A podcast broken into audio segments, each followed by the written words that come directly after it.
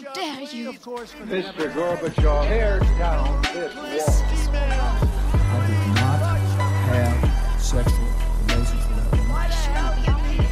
Read my lips. Hell yes, we're gonna take your AR-15. He's waiting for I have a dream. Thank you. Det er jo uh, hyggelig at det er så mange som har tatt turen ut en uh, mandagskveld for å uh, høre om demokrati, diskutere demokrati. Vi tar jo opp det her fordi Harald og jeg vi er jo statsvitere ved Høgskolen Østfold. Og eh, sammen så har vi podkasten Statsvitenskap og sånt. Dere finner oss på Facebook, og der dere laster ned gode podkaster. Dagens seanse tas jo opp, så den kommer som en episode på Statsvitenskap og sånt på torsdag er det vel vi publiserer. Så jeg håper dere har mange gode spørsmål, for da er vi eh, live on tape, som det heter på eh, TV-språket. Men eh, som sagt, mitt navn er eh, Sondre.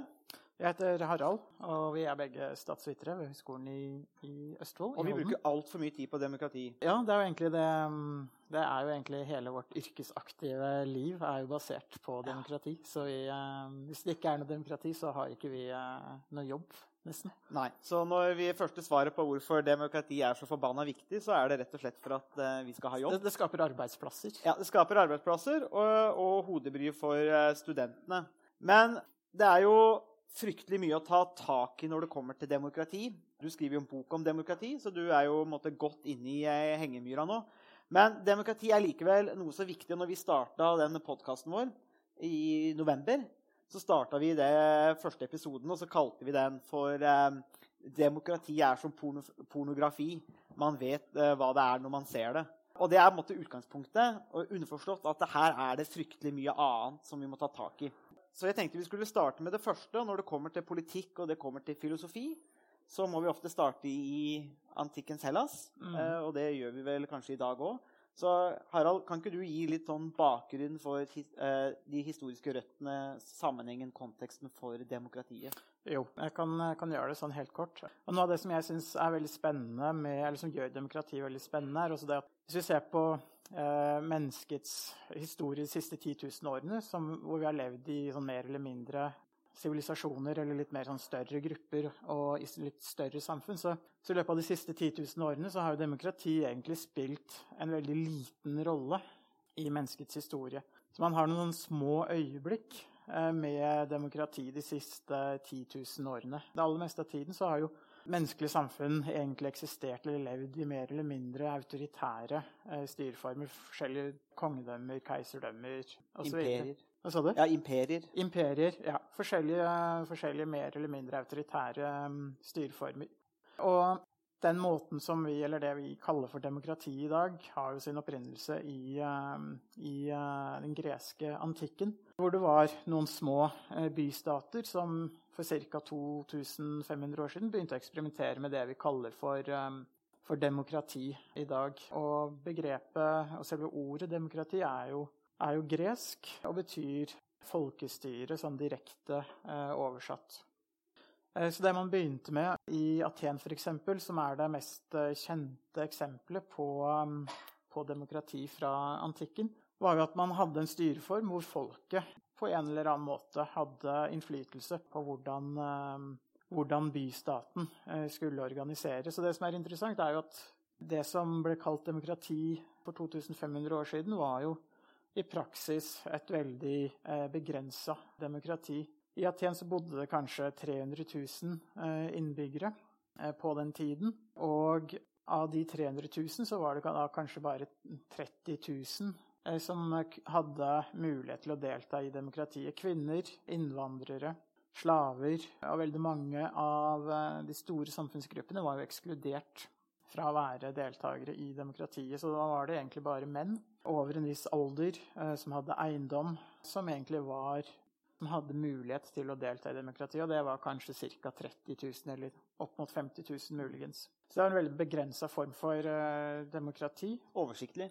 Det var oversiktlig. Ja, jeg, på en måte så var det kanskje ikke så veldig oversiktlig heller, for 30 000 er jo fortsatt ganske mange. For demokratiet var jo mer eller mindre et slags direkte demokrati, hvor man møttes på en stor, åpen plass for å diskutere ulike politiske spørsmål. Mm. Vi har jo begge vært der eh, Ja. på ulike tidspunkt, men det er jo fascinerende. Jeg anbefaler jo alle å reise til eh, Aten. Det fins jo knapt noen eh, vakrere by, og det er litt sånn slående når man blir møtt med Akropolis og Parthenon, og du ser flere tusen år med menneskelig sivilisasjon. Det er jo dypt fascinerende, i hvert fall for sånne som oss. Vi går jo på en måte bare i en sånn I, I vår egen verden. I vår egen verden, rett og slett. Det er litt sånn filosof. Vi går i vår egen verden og grunner. Men, men den plassen, for eksempel, da, det, er, det er en sånn naturlig klippe som heller, og så heller det nedover. og Der samla de seg og diskuterte. og Det er jo en direkte demokrati, og det er jo kanskje noe vi kan plukke opp òg. At det er den første formen for demokrati er direkte og henger sammen med kanskje dannelse av borgerne. At man deltar. Vi har jo fortsatt begrepet idiot, som henger fra denne tiden her. Med idioter er altså de som ikke deltar i demokratiet. Så hvis dere ikke stemmer ved neste valg, og særlig blant de yngre, så veit dere hva dere er. Idioter. Og, så det er et ord som er hengt med i de gamle grekerne fra den tiden. Men det er dannelse og diskusjon, om man blir bedre mennesker. og det som ligger, Harmoni er jo også et viktig begrep her for de greske direkte demokratiet. Ja, det, det, det er det absolutt. Og det som likevel er paradoksalt, er jo at av de 30 000-50 000 så var det jo fortsatt ganske få som, eh, som, eh, som deltok. Mm. Egentlig bare noen, eh, noen få tusen. Så, så når vi snakker om demokrati som folkestyre, så har vi en, ofte en formening om at at folket skal styre gjennom en folkevilje, eller gjennom altså at folket i veldig stor grad er involvert. Men når man ser på historien til, til demokratiet, så ser man jo at det i stor grad ofte er en eh, Det er kanskje en myte om demokratiet at, eh, at det er så stort rom for uh, folkelig deltakelse. Og det er jo noe som også går igjen i demokratiets uh, historie, hvis vi hopper lenger, lenger frem i eh, demokratiets historie også. Mm. Vi skal jo gjøre noen, en skikkelig galopp gjennom verdenshistorien i dag. Men et annet viktig poeng som henger fra grekerne, og det, dette tror jeg er det siste vi tar med oss fra grekerne, og det er at det, det lå også en forståelse at i demokratiet så er det alltid konflikt. Det er alltid en iboende konflikt, det er en interessekamp. De kalte det stasis og polemos, altså polemos hvor vi har polemikk fra i dag. Men dette var en innebygd dynamikk i demokratiet. Og det har jo betydd at målet har vel kanskje vært å få, få inn beslutning, valg, i ordna rammer. Det er vel kanskje det som er noe av det de klarte å etablere i Hellas, som er noe av det vi har tatt med oss eh, videre. Ja, absolutt. Eh, Så det handler jo litt om som, eh, hvorfor, skal vi, hvorfor skal vi følge lovene? Hvorfor skal vi adlyde andre menneskers befalinger? Og det som på en måte er noe av trikset med demokrati, er jo nettopp det at vi til en viss grad så kan vi jo argumentere for at vi gir oss selv lover. Og hvis vi gir oss selv lover, så, så har vi også en, en grunn til å følge de lovene. Og sånn sett så så blir det mer institusjonalisert i det du kalte med mer sånn ordnede for, Mm. former og forhold. Hvor demokratiet og institusjonene trer tydeligere fram. Så er ikke, den politiske makten er ikke så avhengig av en mektig keiser eller en mektig konge, men den politiske makten er mer avhengig av institusjoner som, som vil vare over lengre tid, som ikke er, avhengig, som ikke er personavhengig. Et kongedømme er jo ofte mer sånn et personlig eh, styre, mens et demokrati er jo i mye større grad et styre som er basert på institusjoner. Men da, tar vi, da bare starter vi galoppen. Mm. Så hopper vi over eh, ganske mange hundre år. Og demokrati er ikke så fryktelig populært egentlig opp gjennom historien. Men Så da kan vi bare ta det hoppet, og så kan vi gå inn og begynne å diskutere hva som er de viktige elementene i dagens demokrati. Det er jo lang vei for å komme dit, men eh, vi har tatt oss og satt det sammen i noen få sånne kulepunkter på de viktigste elementene som utgjør et eh, demokrati. Hva er det som gjør et demokrati til et demokrati? Det første punktet som vi har tatt med, det er at vi må ha jevnlige valg. De bør være frie og åpne. Det må også være koblet sammen med det vi, en, rettighet vi hører veldig mye om i dag, altså ytringsfrihet. eh, Men også forsamlingsfrihet og eh, trykke, trykkefrihet. Med andre ord så en, vi må ha en åpen og fair konkurranse om stemmene. Eh, Hvorfor er, det, hvorfor er det et sentralt element i demokratiet? Ja, det er jo egentlig rett og slett fordi at hvis det begynner vi egentlig med legitimitet. Altså hvorfor, hvorfor er demokratiet en styreform som vi tenker er, er en legitim eller en god styreform?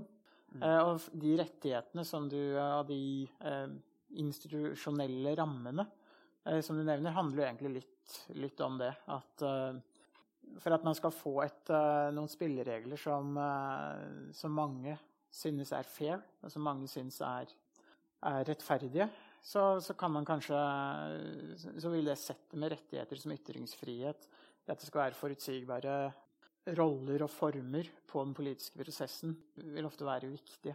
Mm. Og som eh, Tony Benn sa i det for de som har hørt på podkasten vår Hvis dere ikke har gjort det, så kan dere gå og høre på episode 1. Men der har vi et klipp fra Tony Benn som også sier det at eh, man må også ha Litt av trikset med jevnlige valg er at man kan bli kvitt folk med makta. Slik at da sitter man ikke med makta i uendelig tid, men jevnlige valg sikrer at man kan kaste eller forandre på de som har makt. Og da har, har man en, en viktig mekanisme. Eh, nettopp, og så er det også viktig for å få fram de ulike preferansene og synspunktene som finnes i, eh, i samfunnet. Mm. Og skal, skal man kunne snakke meningsfullt om at folket til en viss grad styrer, så må man jo også ha må det være mulighet for at folket kan uttrykke de, eh, de meningene som, eh, som de også har. Mm. Eh, og uten det så, blir det så blir det, blir det vanskelig å snakke om at folket har en viss innflytelse. Må være en balanse, da. Blir det for mange valg, så kan det jo bli eh, overload. Det òg. Så det er jo en, en balanse der. Men vi kan gå over til neste punkt, eh, som er også fryktelig viktig, og som henger sammen med valg. Alt henger sammen med valg her. Men det neste punktet som er fryktelig viktig, og noe som i hvert fall jeg ser på som kjernen i demokratiet, det er fredelig maktovertagelse. Det at du har et valg, og som vi sa tidligere, eh, det er jo folkestyre. Altså demos folk og kratio som er å styre, men det kan også bety seier. Så er, og Har man et valg, så vinner majoriteten, så er det selvsagt noen som må tape. Så du har vinner og du har taper i et demokrati. Og Derfor er det så viktig at når man da har valg hvert fjerde år, så foregår det maktskiftet på en fredelig måte. I Norge så, og det her kan virke kanskje litt merkelig for eh, de fleste av oss, men vi tenker ikke noe over det. I Norge at det, er, at det er sånn det er. Det virker nesten litt sånn dumt å si at ja, har du tapt valget, så får du ikke lov til å sitte i regjering. Men det er faktisk en ganske viktig mekanisme i demokratiet. Hvis har lyst til å Ja. utbrodere den. eh, Ja, altså er, vi, vi ser jo på det som en, eh, som en selvfølge. Og det er jo også noe av det som er kanskje en, et lite triks, eller en slags sånn en side ved demokratiet som vi ofte ikke eh, bruker så mye tid på, men som egentlig er ganske viktig. For det som, det som du var inne på, det med at demokratiet har vinnere og tapere, er jo nettopp det at selv om man taper, så aksepterer man spillereglene. Og man er fortsatt en del av det demokratiske systemet. Og det er noe av det som er en slags hemmelighet med demokratiet for å få demokratiet til å fungere. Og det er det at det er en slags gjensidig nytte både hos taperne og vinnerne. For taperne tenker at ok, selv om vi taper valget, så kan vi vinne valget neste gang. Eh, og det vil være mulig for oss å kunne, kunne få tilbake den politiske makten som vi tapte. Eh, så det er en slags gjensidig nytte hvor de ulike politiske gruppene egentlig opplever at de, de har flere fordeler innenfor det demokratiske rammeverket enn om man, man bryter ned det demokratiske rammeverket og forsøker å, å f- tilrive seg den politiske makten på, på andre måter eller utenfor et demokratisk rammeverk. Så det med gjensidig nytte er også et ganske sentralt trekk eh, ved et demokrati, og som er eh, egentlig noe som vi som vi ofte overser når vi snakker om eh, demokratiet, men som det nå også begynner å komme en del, faktisk en del forskningslitteratur på, også om hvordan gjensidig nytte, hvordan, hvilken rolle det spiller i, eh, i et samfunn for, å få et, nettopp å få et velfungerende demokrati. Mm. Vi ser det jo, det er jo godt um, i, i, En fin kontrast til akkurat det her er jo den eh, Hvis noen husker tilbake til 2016 og eh, presidentvalgkampen i USA eh, mellom Hillary Clinton og, og Donald Trump, så var det et øyeblikk der på amerikansk TV hvor nyhetsankeret, eller eh, debattlederen, måtte innlede et spørsmål om å si at det er en stor tradisjon i USA som leder av den frie verden, at eh, vinneren av valget, eller taperen av valget, aksepterer det og går videre for, det, eh, for å få landets beste. Det er helt utenkelig i Norge at Fredrik Solvang skulle si på Debatten og så si til Erna Solberg at det er en stolt tradisjon i Norge at eh, taper du valget, så får du ikke gå i regjering, og du blir ikke statsminister. Det er utenkelig i Norge. I USA så er de faktisk på De er der at de må begynne å forklare presidentkandidatene eh, nettopp hvordan fredelig maktovertagelse fungerer. Og det hjelper kanskje ikke heller, fordi at eh, Donald Trump han svarte jo på det om han ville komme til å akseptere resultatet hvis han tapte. Og da sa han vi får se. Vi får, vi får se når det skjer. Kanskje, kanskje ikke. Jeg vil ikke gi noe svar på det. Og det er egentlig en sånn skikkelig eh, Ja, det går i hvert fall mot eh, alle demokratiske fibre. Vi får si det på den måten. Og så er det en annen eh, viktig ting. så Vi har jevnlige valg. Det må være en fredelig maktovertagelse. Men man bruker ikke makten sin til å undergrave eller kvele opposisjonen, slik man ser i f.eks. Russland eller Tyrkia i dag. Som måtte ha vært litt sånn halvveis fungerende demokratier. Der ser man en mer autoritær vending. Så kommer det siste punktet som vi har eh, lista opp som sentralt ved demokratiet, og det er institusjoner. Det er institusjoner som eh, definerer demokratiet, og ikke personer. Så hva mener vi med det? Harald? Ja, Det er rett og slett at demokratiet, i demokratiet så vil de som styrer, regelmessig byttes ut. eh, Men institusjonene vil bestå. Så Grunnloven, parlamentet, valgordningene osv. vil vare over veldig lang, lange tidsrom, mens politikerne vil eh, kunne byttes ut etter fire-fem år eller åtte-ti år. Eller, alt etter hva det måtte være. Så institusjoner er en, en veldig viktig byggesten for demokratiene. Man er avhengig av at institusjonene respekteres, at institusjonene bevares eh, over tid. Og det er på en måte egentlig den eneste måten man kan bevare eh, demokratiet på over tid eh, også. Og når man snakker om institusjoner, så er det ikke bare de fysiske institusjonene som selve stortingsbygningen i, i Norge f.eks., eller den type sånn helt fysiske ting, men, men, det handler også litt om hvordan befolkningen ser på demokratiet, hvordan det, befolkningen vurderer selve eh, det demokratiske systemet. Så det er både en mer sånn veldig fysisk ting, men også en mer sånn holdnings- og følelsesmessige ting, det med institusjoner. Så det har både en veldig fysisk og en mer sånn emosjonell eller holdningsside også. Mm. Som veldig, og begge deler er egentlig veldig, veldig viktige for å, for å kunne opprettholde og videreføre demokratiet fra én generasjon til, til den neste. Mm. Altså Institusjoner har spiller en veldig viktig rolle. Bare tenk på, på, en måte, Vi har et ordtak som heter 'sikker som banken'. og det er jo for at Banken som institusjon egentlig er ganske permanent. Så vi har tatt et ordtak. Noe er sikkert som banken. Det viser bare som eksemplifiserer eh, viktigheten av institusjoner.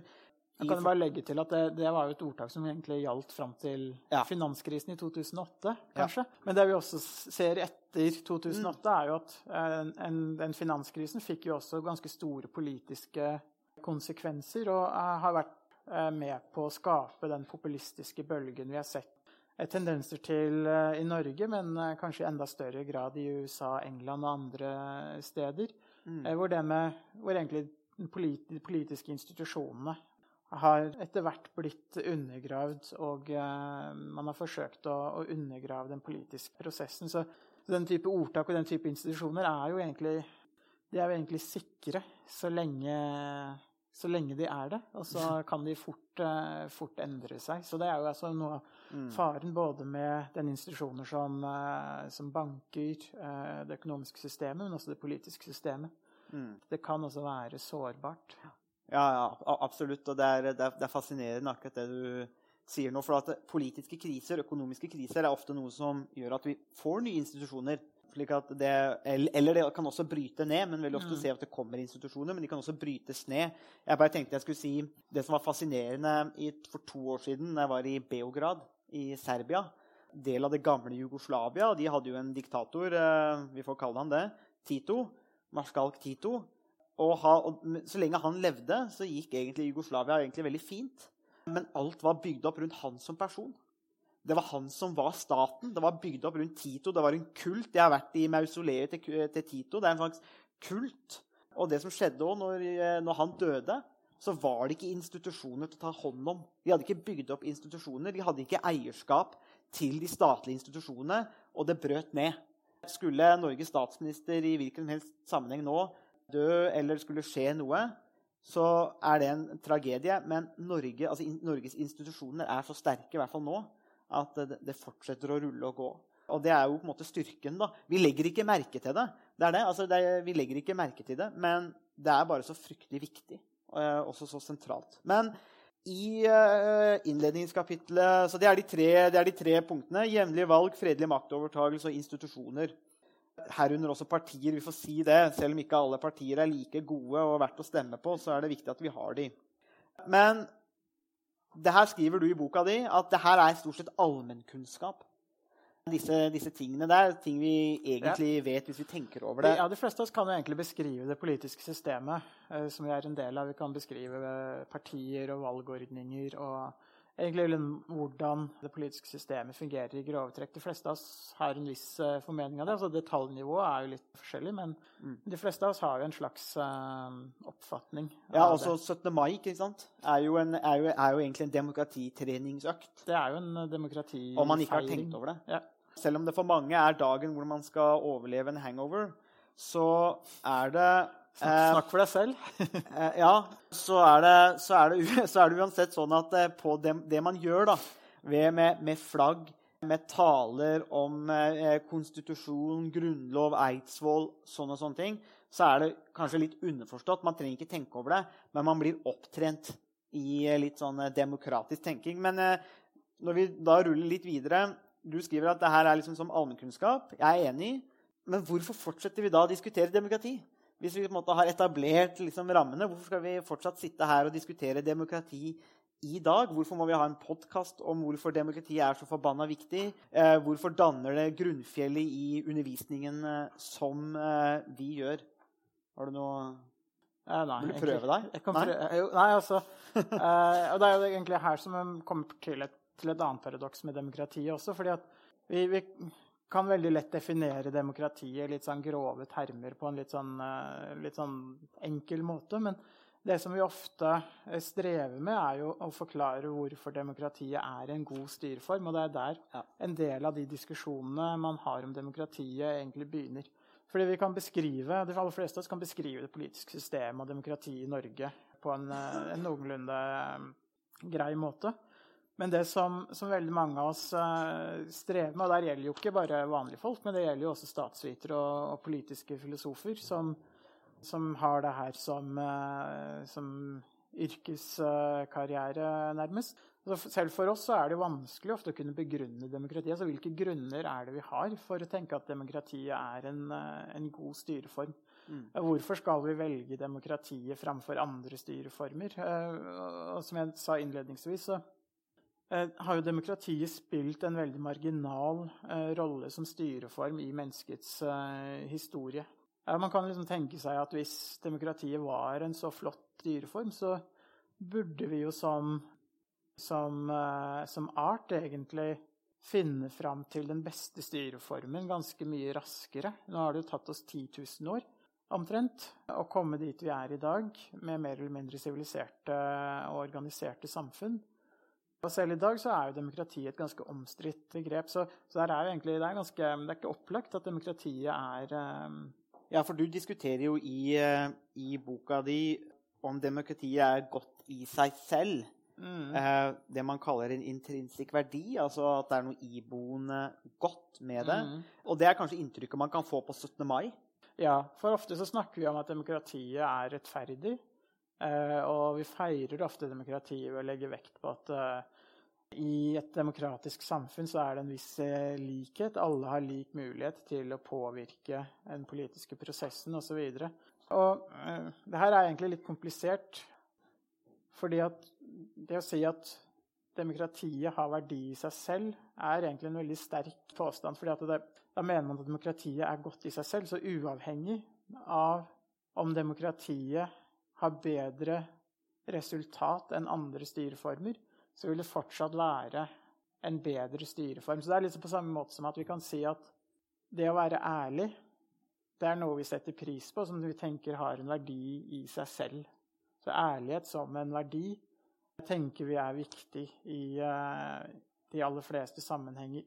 Og hvis, hvis vi sier at demokratiet har verdi i seg selv, så sier vi egentlig det samme som at demokratiet er den riktige styreformen uavhengig av eh, tid og sted og resultater. Og det er en veldig sterk, eh, sterk påstand, egentlig. Ja, Det er en ganske normativ påstand. Og det kan også ha konsekvenser for eh, Bør organisasjoner, kirkesamfunn, bedrifter også organiseres demokratisk? For hvis demokratiet har verdi i seg selv, så bør jo egentlig andre deler av samfunnet også organiseres eh, demokratisk. Så det kan ha veldig store implikasjoner hvis vi tenker at demokratiet har, har verdi i seg selv, eller er godt i seg selv.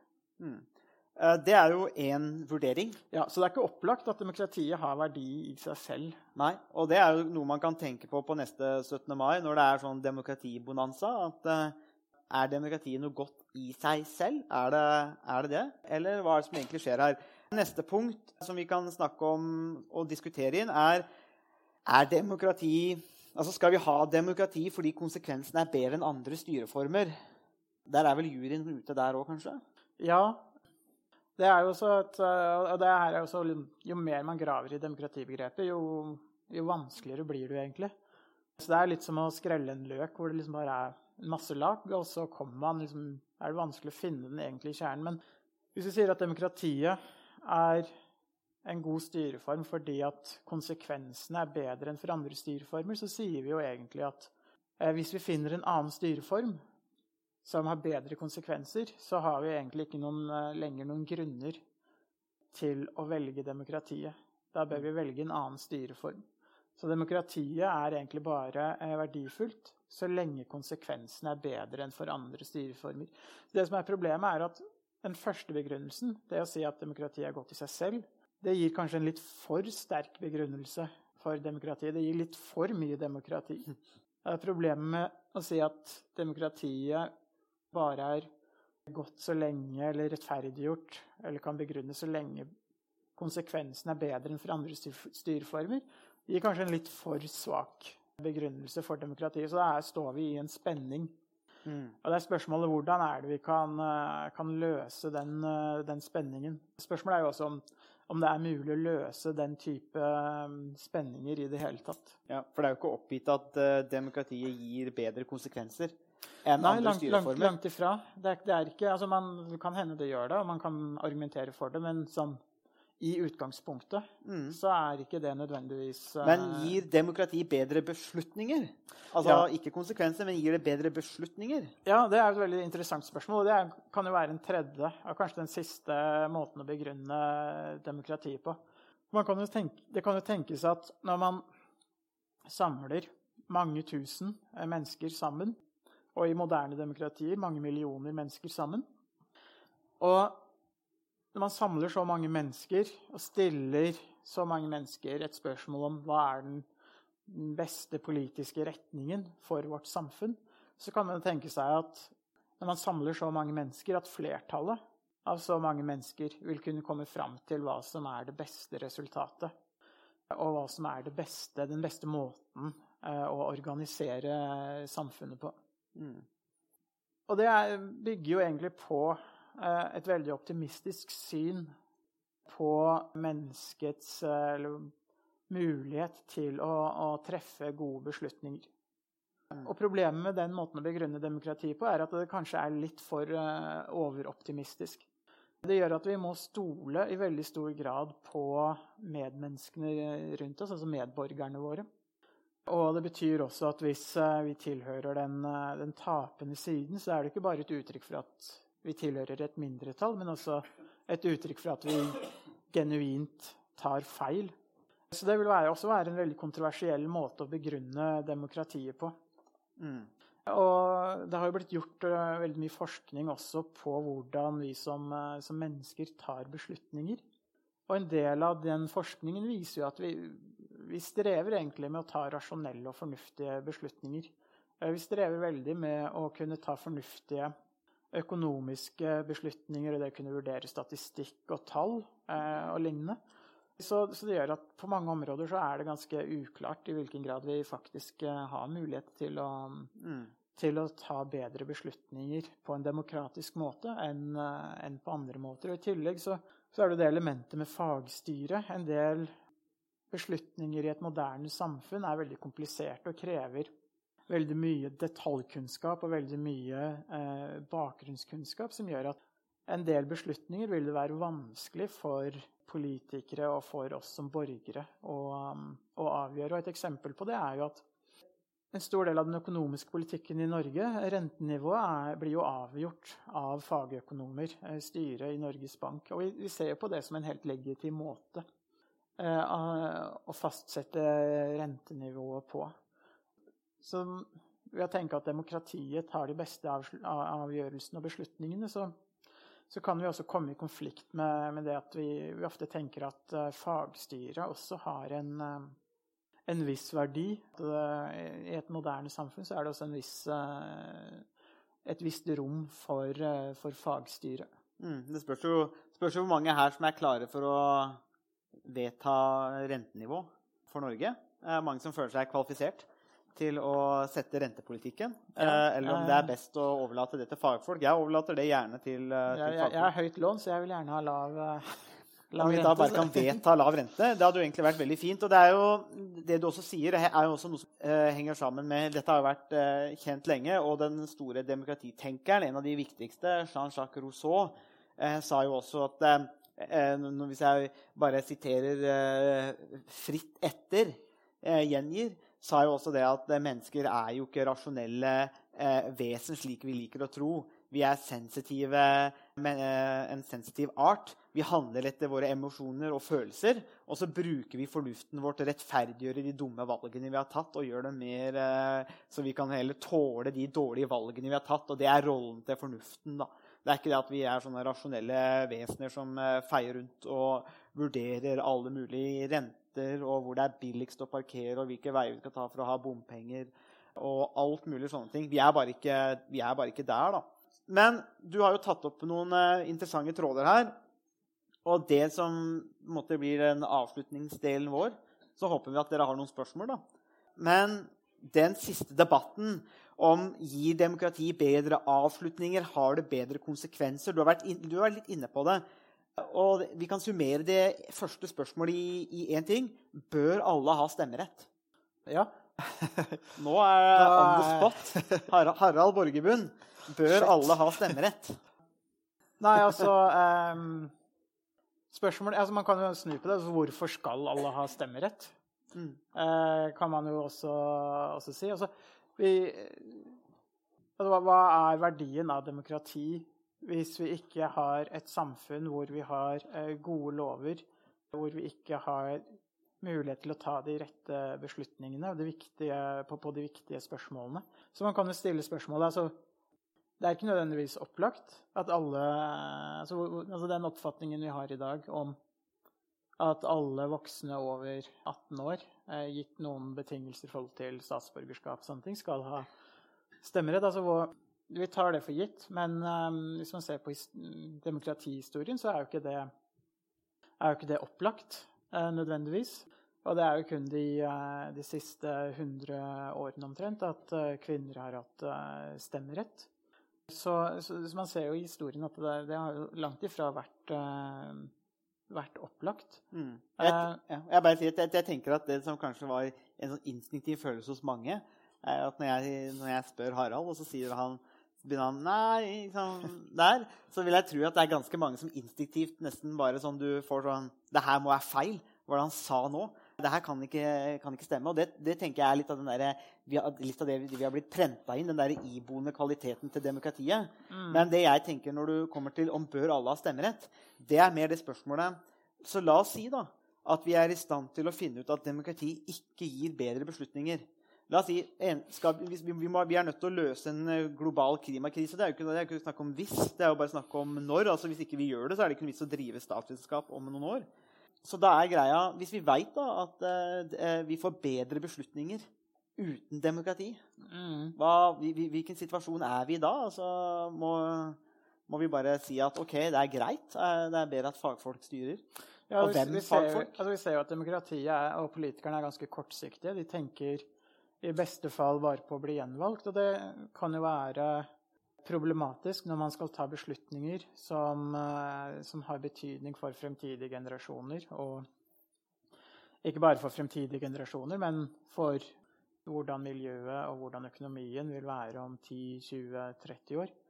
Så vi som, som velgere også, så er vi jo til en viss grad opptatt av å få tilfredsstilt de preferansene og behovene vi har i dag. Så vi velger jo politikere som også er kortsiktige.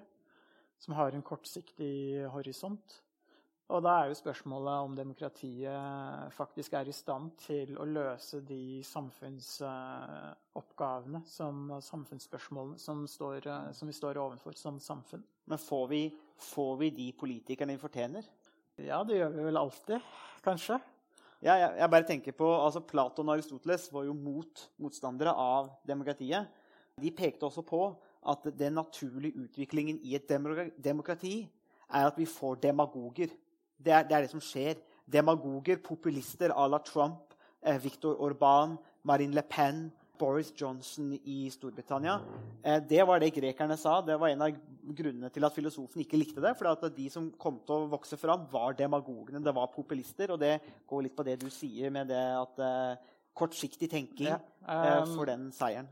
Og det, Eksempelet som Platon bruker, er jo å se på samfunnet som et skip. Og så er spørsmålet hvem er det vi vil skal styre skipet? Vil vi at eh, kapteinen, som har kunnskap om navigasjon og som er en dyktig sjømann, vil vi at kapteinen skal styre skipet, eller vil vi at den personen som er mest overtalende og mest overbevisende, skal, eh, skal styre skipet? Og hvis, hvis kapteinen styrer skipet, så er det jo en viss sjanse for at vi alle kommer frem i live. Men hvis det er eh, den mest overbevisende som, som styrer skipet, så har vi jo mindre forsikring og garanti for at eh, vi faktisk eh, kommer frem. Så det, liksom, å se på skipet som eh, et samfunn er jo et, eh, et bilde på akkurat den spenningen der mellom eh, populisme eh, og et styre hvor vi tar de beste beslutningene. Mm. Men hvis vi, hvis vi oppsummerer eh, Jeg gjentar inn, jeg håper dere har noen spørsmål. Så, men for å svare litt på hvorfor demokrati er så forbanna viktig og Det er viktig, det er viktig å få med at eh, når vi stiller disse spørsmålene, og vi drar ut tankerekkene, så det er viktig å, måtte, å være i stand til å gå etter de tankerekkene. og ikke sånn, det her er riktig eller galt med en gang, Men hva er, hva er det de innebærer? Men hvis jeg skal, kan svare på hvorfor jeg mener demokrati er veldig viktig, faktisk så forbanna viktig òg, eh, hvorfor jeg har trua på det, så vil jeg gå tilbake til det med institusjoner og den litt sånn langsiktige byggingen. Har jeg, litt, har jeg troa på at man, okay, man har litt optimistisk syn på mennesker. Eh, de deltar, og vi dannes. Jeg håper jo her at folk, eh, i hvert fall de yngre som er her, at dere bryr dere om demokratiet. fordi at eh, Norge er verdens beste land å bo i av en grunn. Men hvis man ikke bryr seg, så er det ikke så veldig lenge før det ikke er der. Og institusjonene kan bygges og undermineres. Men jeg tror at når det lykkes, så får vi et veldig motstandsdyktig samfunn bygd opp av tillit til hverandre og til politikerne og til systemet. Og det er det som gjør at uh, en av de viktigste grunnene til at vi fungerer, er ikke så veldig sexy. Man ser det ikke sånn åpenbart. Det er ikke den store politikeren eller statslederen. Det er rett og slett bare god, gammeldags, kjedelig institusjonsbygging, samfunnsbygging, hvor alle vi får et eierskap til samfunnet vårt. At, det, at vi er, har den gjensidige nytten. Jeg vet ikke hva du tenker om den. Eh, jo, helt enig. Uh, for det som det det kommer ned til, er jo noe som er veldig langt fra egentlig de svulstige eh, ordene og talene som vi ofte hører om demokratiet. Så det det handler om, eh, vil jeg si, er jo i stor grad gjensidig nytte. Det at man klarer å finne en styreform som klarer å trekke med seg de store eh, gruppene i samfunnet, som gjør at alle føler at de får noe. Det er ikke sånn at alle får alt, eller at alle får alt de ønsker. Men det er en mulighet hvor man gjennom kompromiss klarer å, meisle ut en slags gjensidig nytte og en slags noe som, som, eh, som gjør at eh, de store politiske gruppene ser seg tjent med demokrati. Og det er det som gjør demokratiet verdifullt, og det er også det som gjør demokratiet skjørt. fordi at den tilliten og den gjensidige nytten kan forsvinne eh, ganske lett hvis, eh, hvis man får sånne sjokk som vi så for 10-12 år siden i finanskrisen, eh, som har vært med på å, endre det politiske landskapet i, eh, i mange land eh, rundt, rundt i verden. Og så kan vi bare avslutte med å si at uten demokratiet så hadde vi aldri fått så fantastiske politiske prosjekter som Viken. Så vi kan jo takke, takke demokratiet for det. Så det jo, hadde vært kjedelig å gå og, og, og miste den muligheten, da. Men eh, jeg tenker det er eh, nok for eh, vår eh, presentasjon. Det har jo vært eh, 45 minutter nesten sammenhengende demokratiteori. Men hvis dere har noen spørsmål, så tar vi jo gjerne imot det. For vi har vel et kvarter til, har vi ikke det?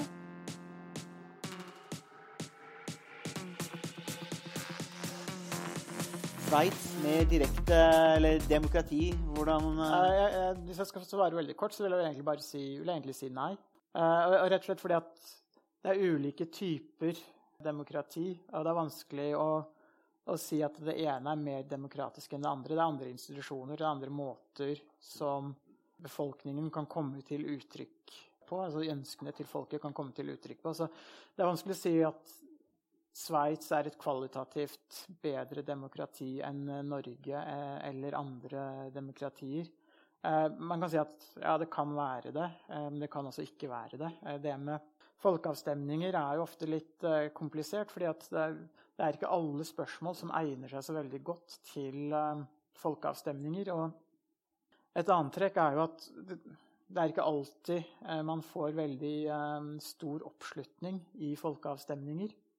Og det kan også undergrave legitimiteten og i, i noe grad være tegn på at eller si oss, fortelle oss noe om at det, det kanskje ikke er så demokratisk like, likevel. Så det kan, det kan være mange måter å institusjonalisere demokratiet. Så det kan være mer demokratisk, men det trenger ikke å være det i det hele tatt. Så, så, så jeg syns det er vanskelig å si at Sveits er mer demokratisk enn en andre demokratier sånn i utgangspunktet. Hvis man har en veldig detaljert sammenligning, så kan man kanskje komme fram til et svar på det, men sånn, sånn i utgangspunktet så, så vil, svare, vil jeg svare egentlig bare rett og slett nei. Kort og godt. Og så er det jo nettopp det at det er vi, demokrati Vi bruker ordet demokrati, men i det så ligger, har det aldri vært forstått at det er kun én ting. Altså, Vi bruker det som om at det er et demokrati.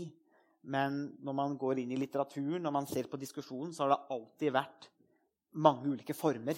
Så det har aldri vært meningen at det bare skal være én form. Så den demokratiske formen, eller liberaldemokratiske, som vi har i Norge, det er én form av mange. Og slik at, For å si, kvalifisere litt mer det du sier om, eh, om det kan være eller ikke være.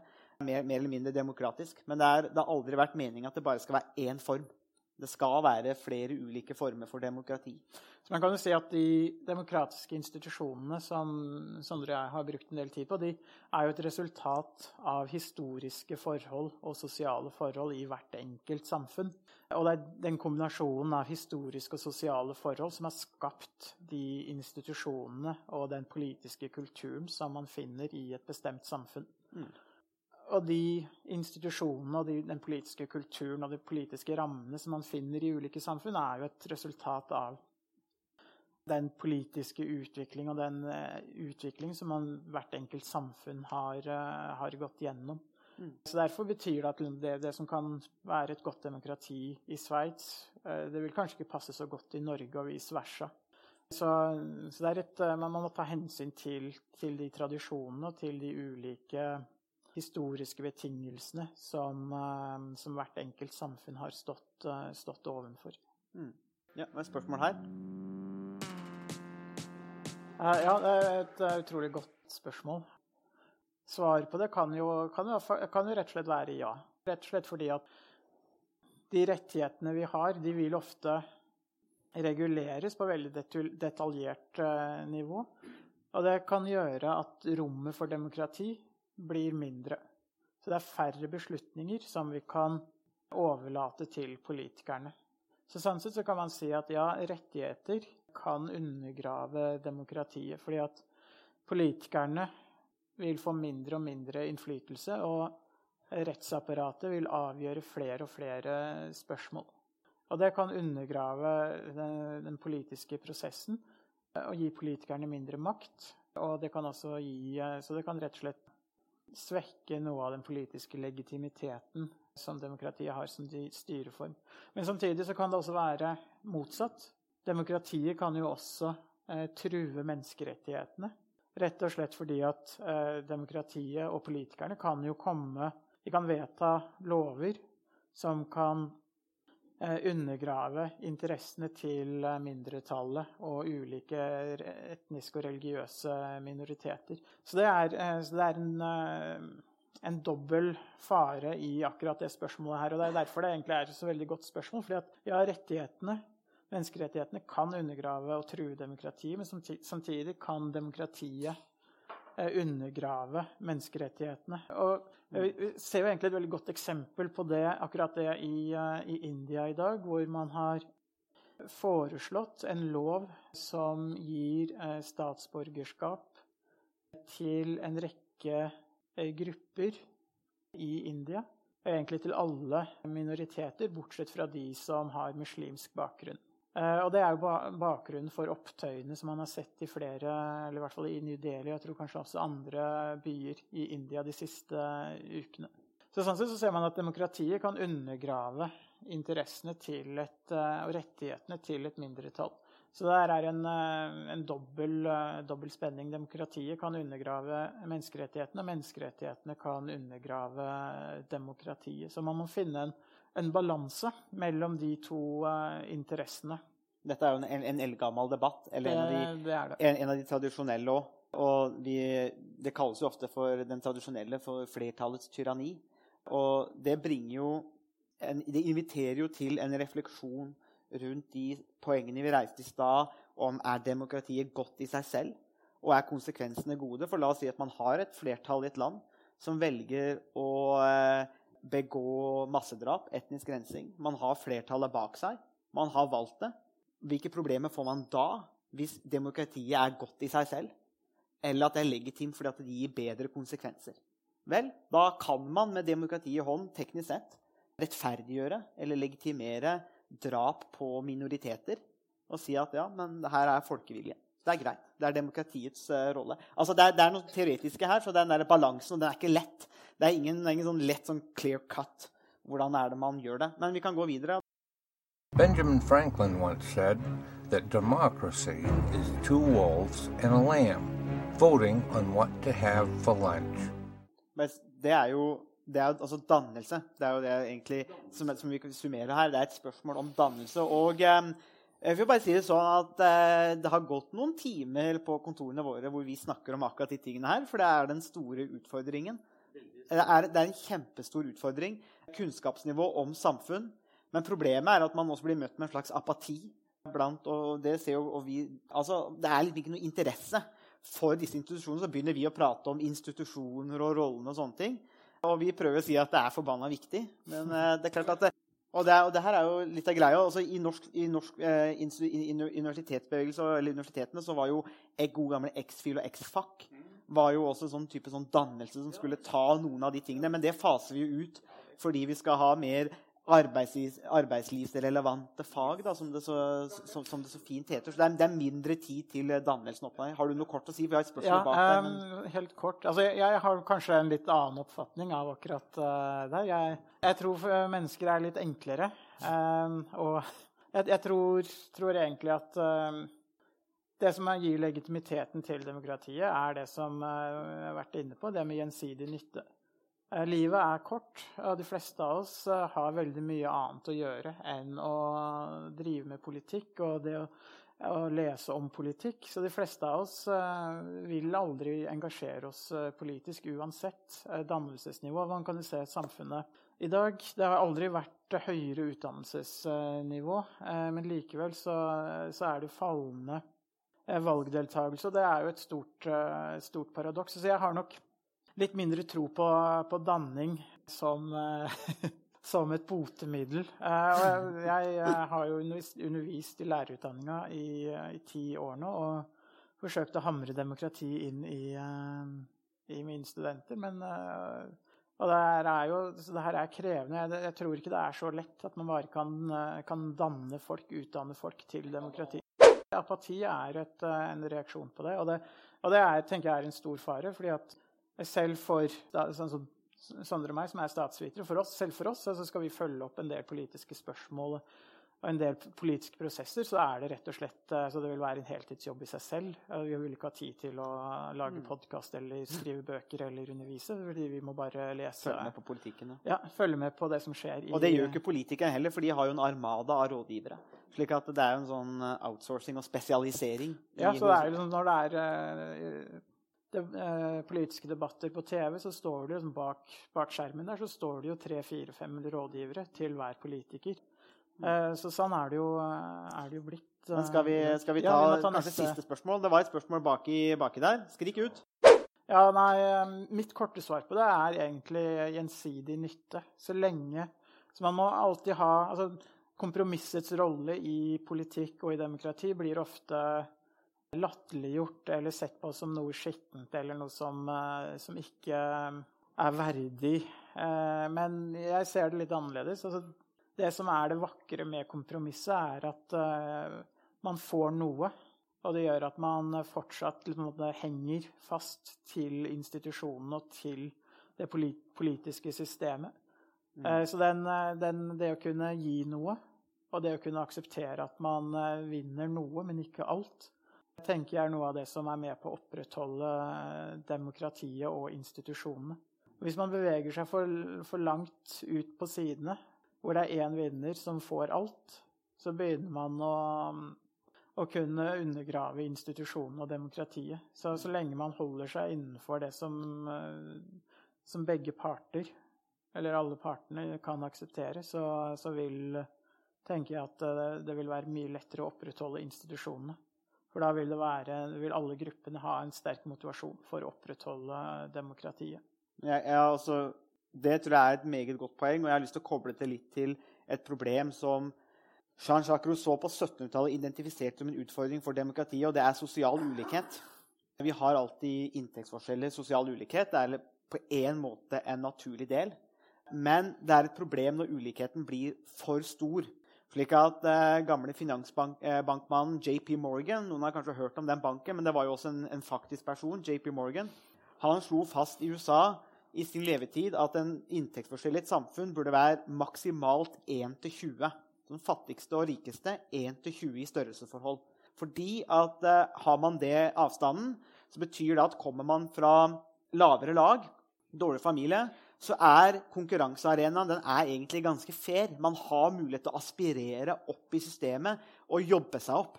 Og Henry Ford, for alle hans feil og mangler òg, ga arbeiderne sine mer lønn enn det som var minstelønna i USA på den tida, fordi han visste at arbeiderne kom til å bruke mer penger. Men det økte også en sosial mobilitet. Det var også bra for han som kapitalist til syvende og sist, for det ble mer penger i systemet.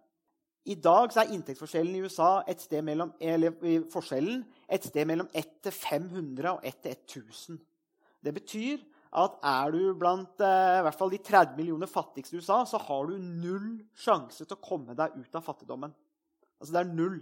Den amerikanske drømmen er død. Det som Da skjer, og, jeg, og da vil jeg koble det litt mot de, franske, de gule vestene i Frankrike, som sier, og den gjensidige nytten. Nytten er borte for mange. Slik at eh, vi må også ta et oppgjør med turbokapitalismen og til dels den inntektsforskjellen. Ja, noen må tjene mer. Jeg har ingen problemer med at hjernekirurger som graver i folks huer, tjener flere ganger mer enn det jeg gjør. Selv om vi begge er doktorer. Bare litt forskjellig doktor. Jeg har ingen problemer med at de tjener mer. Så de, de forskjellene det tror jeg mange aksepterer. Men det vi ser i Frankrike det vi ser i en, del andre land nå, er at institusjonene bryter sammen. Man gjør opprør, for den gjensidige nytten er borte. Slik at jeg, jeg vil koble den økonomi og politikk er, henger sammen. Og hvis du tenker på det med kompromiss, ja, eh, så tenker jeg det er veldig viktig også. Man, man lever ikke livet i nullsumspill. At jeg skal hele tida vinne, sånn som Donald Trump gjør. Altså Det er kun vinne, å vinne som betyr noe. Er, taper du en gang, da er du loser. Da har du in, ingenting å komme med. Mens vi prøver vel å snakke for en litt mer moderat eh, rolle men der det er gjensidig nytte. Og jeg eh, er litt redd for det gjensidige nytteforholdet nå pga. den ulikheten som vi ser i en del land, hvor uh, institusjonene undermineres.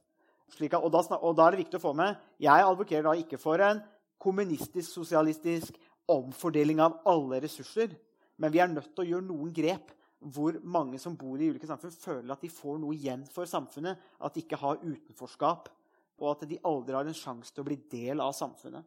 Eh, det er demokratiets rolle. Har vi ikke det, så bryter det sammen. og det, som du sier, det er fryktelig skjørt.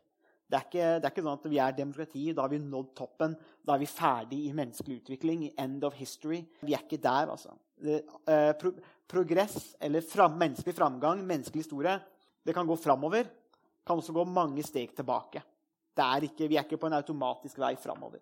Så det sånn, eh, Var det en litt sånn halvveis dystopisk, pessimistisk avslutning? Ja, må av- avslutte med en advarsel.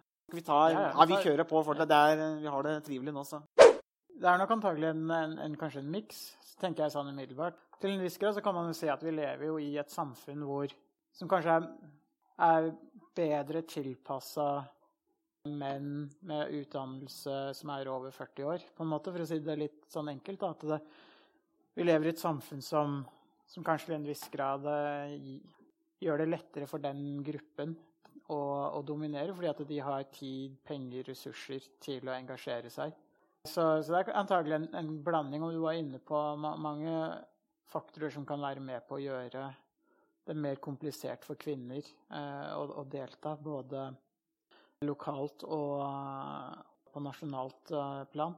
Så det der er egentlig et veldig komplisert eh, spørsmål. Og vi var jo litt inne på det der tidligere, eh, om sånn, hvilke grupper skal ha stemmerett. Så man kan jo si i dagens samfunn så er jo altså Menn gjør det jo stort sett dårlig på alle statistikker. Vi sitter mer i fengsel, eh, høyere selvmordsrater og på alle de negative statistikkene så er jo menn overrepresentert. Så sånn sett så burde jo egentlig samfunnet blitt styrt av kvinner, fordi det ville gitt et mer humant eh, samfunn.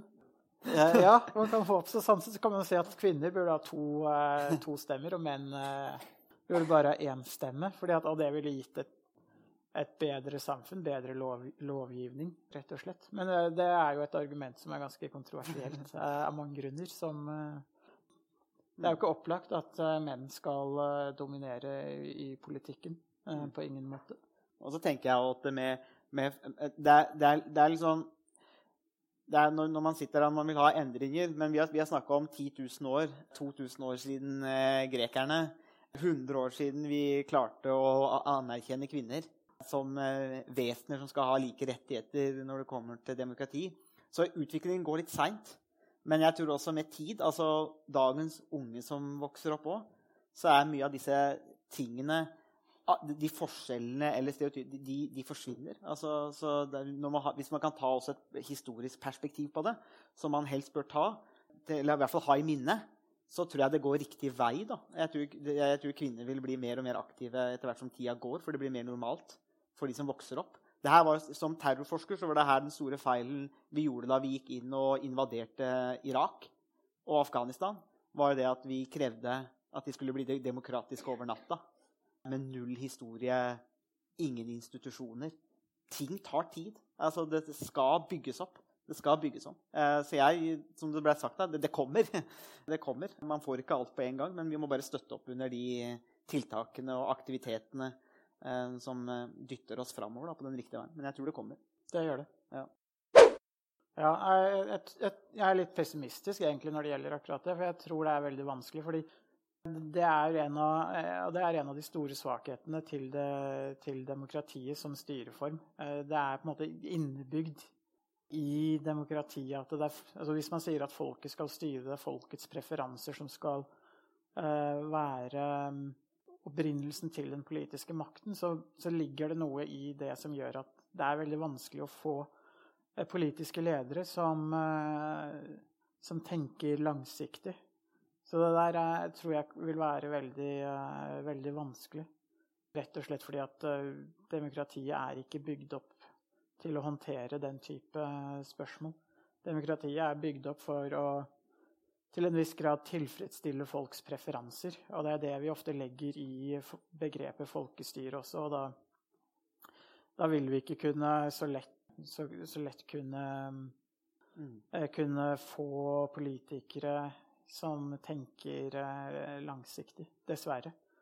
Så um, vi kan håpe, og det beste er jo egentlig at, eh, å håpe på at eh, det, det som er fordelen med en politisk elite, er jo at de til en viss grad er eh, isolert fra resten av befolkningen. Så en politisk elite som, som er opptatt av hva som er det beste for samfunnet, vil ikke være så opptatt av å bli gjenvalgt eller å hele tiden tilfredsstille eh, de ønskene som befolkningen har. Så det med politisk elite kan ha både en fordel og en ulempe. Det kan være med på å fjerne politikerne fra folket og fra samfunnet, men det kan også være med på å, å skape forutsetninger som gjør at man kan, eh, kan ta upopulære eh, avgjørelser.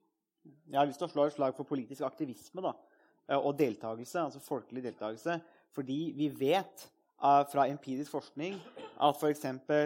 den franske revolusjonen der deltok 3% av Frankrikes befolkning. Det var nok. Vi vet at fra empirisk forskning at hvis du har et opprør, har du 5% av befolkningen som er samla, så er det nok til å kaste et politisk eh, styre.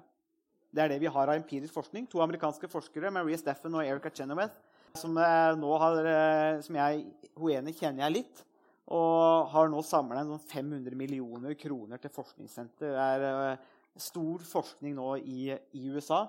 5% Det betyr at Og det er ikke sånn at vi skal begynne å kaste politiske styr i Norge. Men jeg tror at, oppriktig at en godt samla La oss si klimasaken. Hvis den kommer nok på agendaen, og folk er samla nok, at man får 5-10% av befolkningen som er konkrete i sin aktivisme, så tror jeg det er, nok til å vri en, en del partier i den retningen som, eh, som trengs. Spørsmålet er jo hvilke 5% som mobiliserer. Det, Det, det er helt riktig. det kan jo slå begge, Det kan slå det kan begge veier. Men det er det empirien forteller oss, da. Ja, men det er det empirien forteller oss, at hvis man vil ha de endringene, så er det mulig. Men så er spørsmålet Ja, spørsmålet, er ja, spørsmålet er ja, politisk endring er mulig, men spørsmålet er hvilken, ja. hvilken vei er det den politiske endringen vil slå. Det ser man jo eh, gang på gang at det er noe av det som gjør demokratiet til en litt sånn eh, uberegnelig og upålitelig styreform. Eh, det ser vi jo i USA med Trump, eh, og i Storbritannia med brexit eh, og um, Boris Johnson. Så eh, det her er jo det er jo et, eh, et veldig stort risikospill å mobilisere folk eh, også. Ja.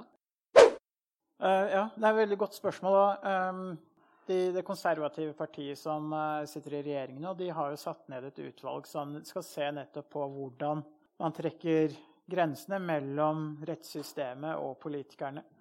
Og de har jo en agenda om å eller de har et utgangspunkt, en uh, mistanke eller en følelse av at uh, rettssystemet tar for mange beslutninger og har for mye makt. Så de vil jo ta tilbake makt fra rettssystemet og gi, gi den makten tilbake til uh, politikerne, eller ja, folket da eventuelt til, i siste instans. Så der er jo, Jeg går tilbake til det, det første spørsmålet ditt også. Eh, så hvordan er det man avveier spenningen mellom demokrati og, og rettigheter? Eh, og um, det er langt fra opplagt. Så hvis vi, og det går også på det vi sa tidligere om hvordan man begrunner demokrati. Hvis vi sier at demokratiet er den høyeste autoriteten, så må vi bare bøye oss for at eh, folket ikke vil eh, sette i verk eh, klimatiltak. Rett og slett fordi at demokratiet har talt, og det er, um, og det er den høyeste instansen. Mm. Og det er jo også kontroversielt. Og i hvert fall ikke uproblematisk. Mm. Nå vi har, gått, eh, vi har egentlig gått godt over tida, Harald. Ja, Eh, Men sånn er det når vi har det moro i godt lag. Men skal vi bare ta et siste avsluttende spørsmål? Det, det kommer der. Det, det gjelder jo dere andre òg. Om dere har spørsmål eller kommentarer, og sånn, så eh, tar vi jo gjerne imot Det, det. det gjør vi med glede. Ja, og så kan, vi, kan vi bygge en, eh, noen episode eller to eller tre eh, rundt spørsmål til, eh, til disse tingene. Eh, det er jo bare moro eh, for oss. Det er, jo, det er jo kanskje noe vi får inn- innblikk i her nå. Altså, vi har, vi har drevet på en time og 20 nesten. Og det er klart at det er fortsatt fryktelig mye å ta tak i som vi kan snakke om. Slik at Demokratiet det, det rommer så mye. Det er ikke bare 17. mai. Det er veldig veldig mye mer. Og så blir det veldig viktig med, det med klimaendringer og de tingene der. Det er, det er fortsatt så viktig, da, den rollen. Og, så vi blir ikke kvitt det, altså. Det, blir ikke, ikke slutt på demokratiet. Så da må vi ha orden på hva det er, og hva det ikke er. Ja, og det vi har brukt en del tid på, er jo egentlig å stille spørsmål og egentlig forsøke å få skal si, fremprovosert litt eh, refleksjon eh, rundt hva demokrati er. Og vi. Vi, har, vi vil jo ikke levere noen sånne fasitsvar, selv om vi forsøker å svare klart. Så Er, Hvis de sånn abonnerer på podkasten vår og kjøper Så- merch, så ja, hvis de kjøper sånne capser hvor det står uh, 'Make democracy great again', så uh, Så vi har egentlig, vårt, vårt, vårt forsøk er egentlig mer å, å skape refleksjon enn å komme med bombastiske svar, for det er det veldig vanskelig å gjøre når det, når det kommer til, eh, til demokratiet. Så Men da sier vi takk for oss. det gjør vi. Og Tusen takk for at dere møtte opp.